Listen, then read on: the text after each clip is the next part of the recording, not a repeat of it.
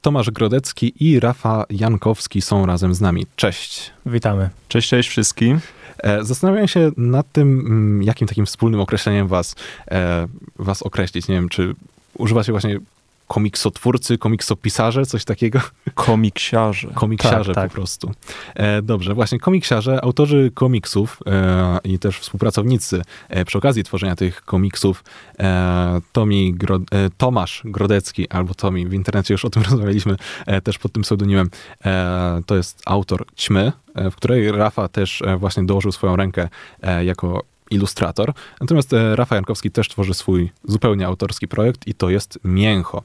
E, I może porozmawiamy właśnie o tych e, dwóch przedstawieniach rzeczywistości, tak powiedzmy, bo są to no, komiksy nietypowe, bo zwyczaj kiedy myślimy o komiksach, myślimy raczej mm, no, ja widzę dwa nurty, tak? Komiksy amerykańskie, różnego rodzaju właśnie mm, dzieła superbohaterskie i też no, manga, tak, komiksy dalekowschodnie, tak to nazwijmy. E, sam też trochę nie siedzę w tym e, środowisku. E, natomiast w waszym przypadku oba te komiksy no nie dość, że po prostu jesteście polskimi twórcami, to są też osadzone w Polsce i czy też wiem, że Ćmę moglibyśmy nazwać superbohaterem, ale czy Mięcho to też jest właśnie komiks superbohaterski? Jak byście sami powiedzieli o swoich dziełach?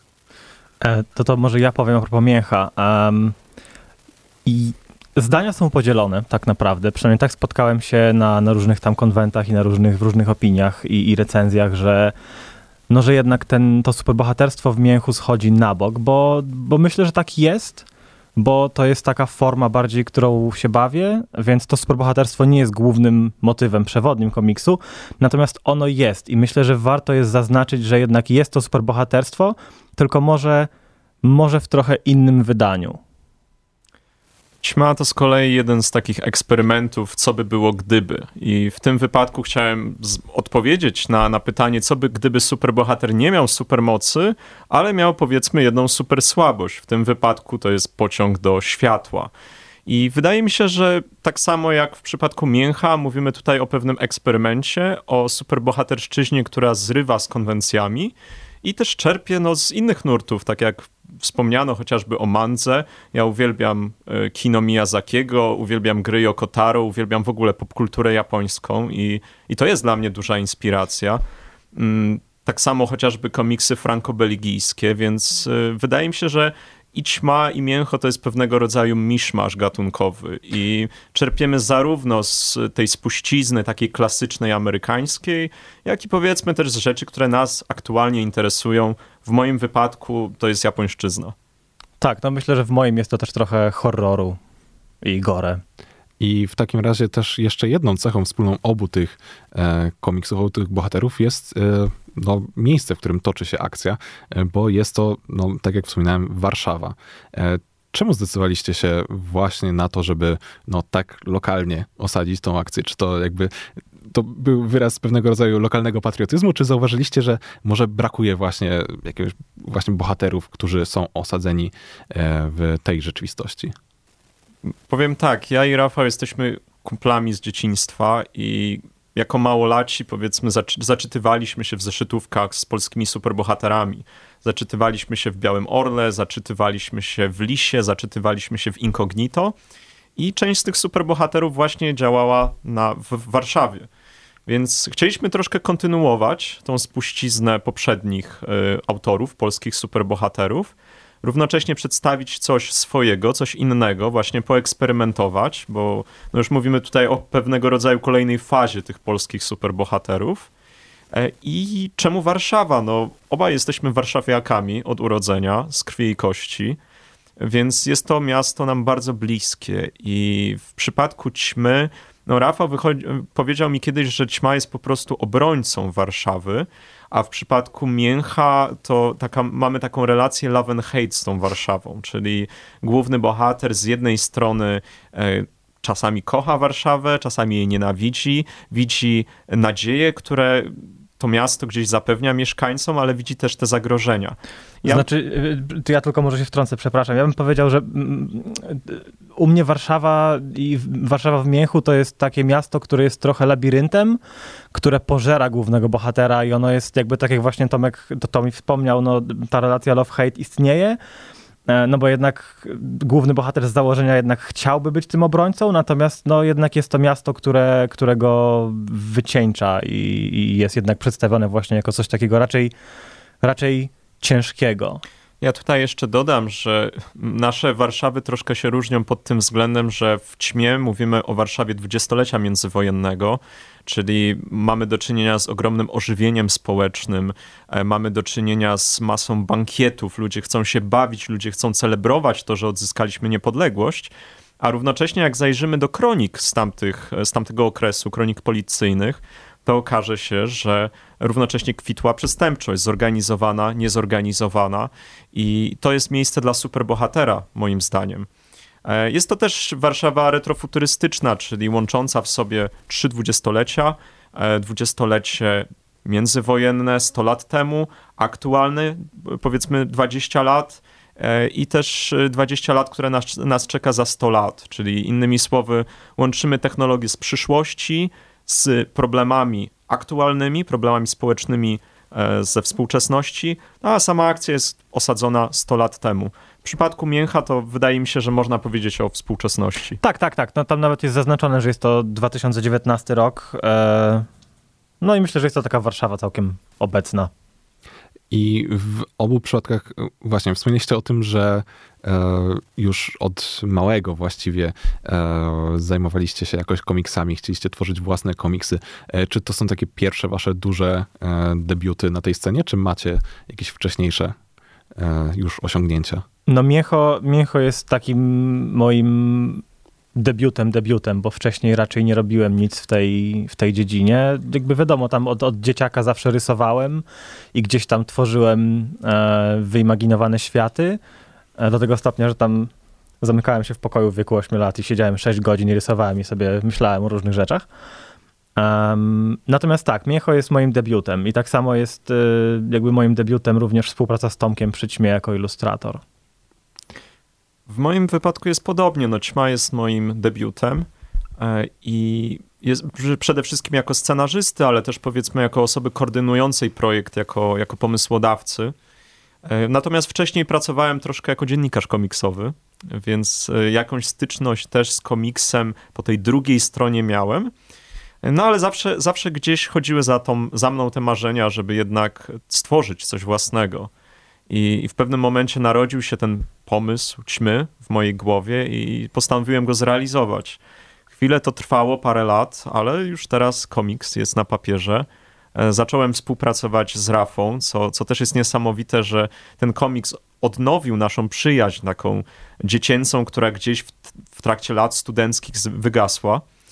Więc tylko cieszyć się i mam nadzieję, że, że coś dobrego jeszcze to przyniesie. Wspomnieliśmy o tym, że oba te komiksy są osadzone w Warszawie, ale jest to zupełnie różna Warszawa.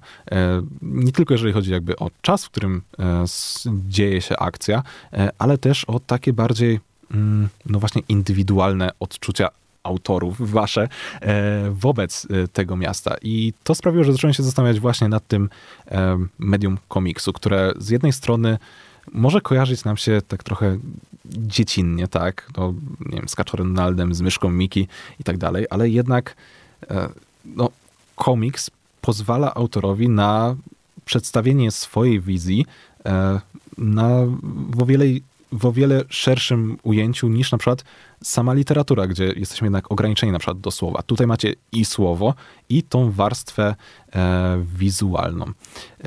I właśnie, jak to jest y, waszym zdaniem, jeżeli chodzi o ten odbiór komiksu? Czy to to, że kojarzymy ten komiks, y, no właśnie z tymi prostszymi y, dziełami, jakoś wpływa też na odbiór waszych prac, mimo że jakby, no, są one dość poważne jednak? Ja może zacznę od cytatu z Rafy, bo Rafa przed programem powiedział mi, że czasami komiks jest traktowany jak takie gorsze dziecko zarówno literatury, jak i sztuki. E, a ja uważam, tak jak Szymon Kudrański, znany polski komiksiarz, który tworzy na zachodzie, że e, komiks to jest idealne małżeństwo słowa i obrazu. Czyli to jest synteza, to jest połączenie dwóch odrębnych dziedzin, w tym wypadku dziedziny literackiej i sztuk plastycznych.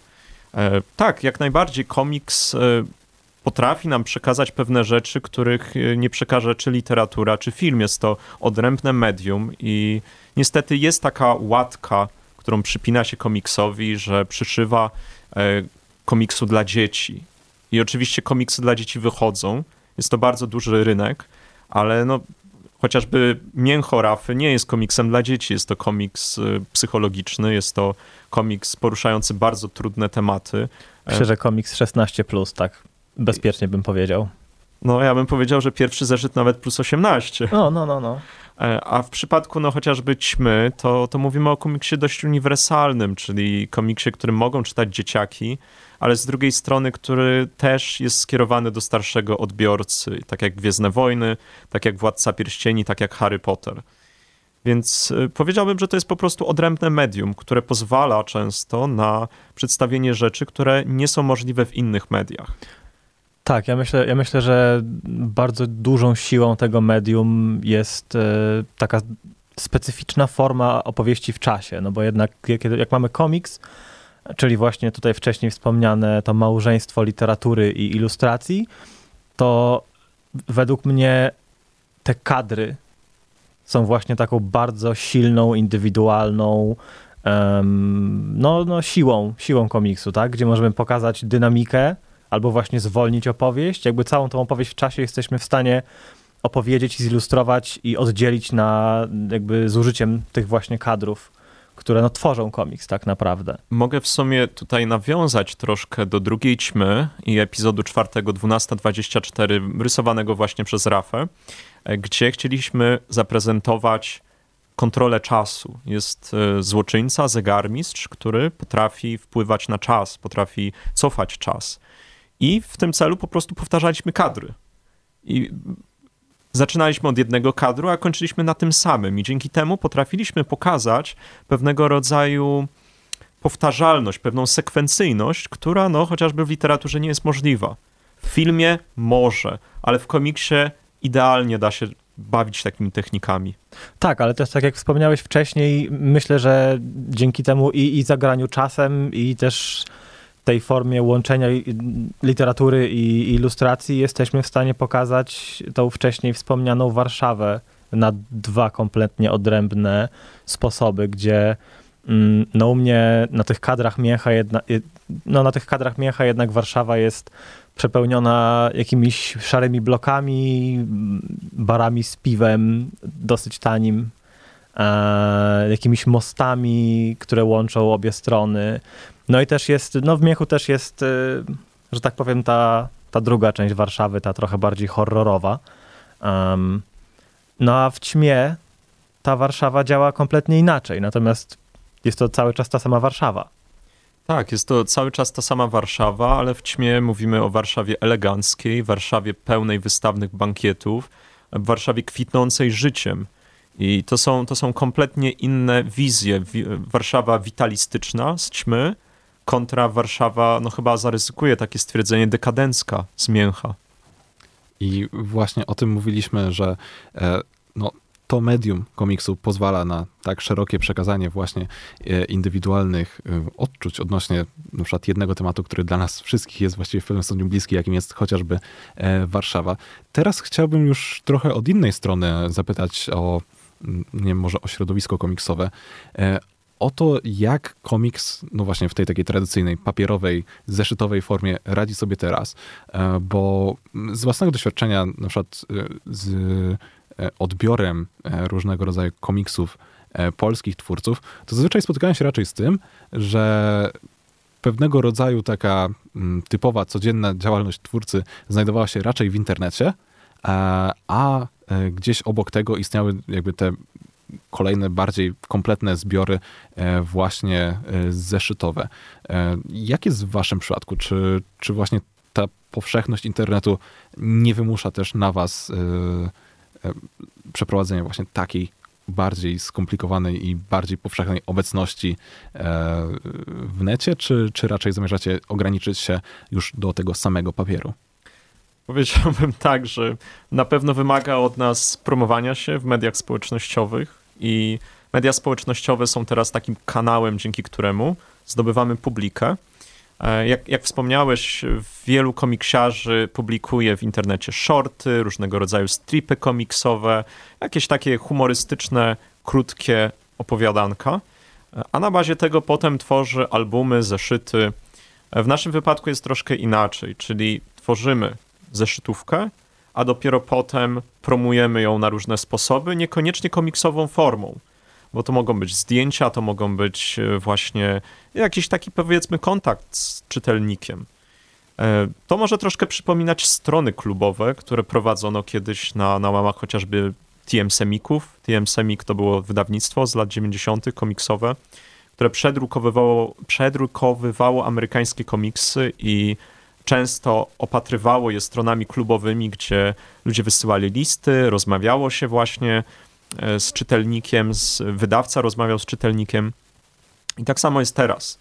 Czyli dla nas komiks jest fizyczny, a wszystko wokół niego jest cyfrowe. Tak, to prawda. Myślę, że po prostu ten internet zastąpił nam te, te e, strony końcowe e, TM Semików.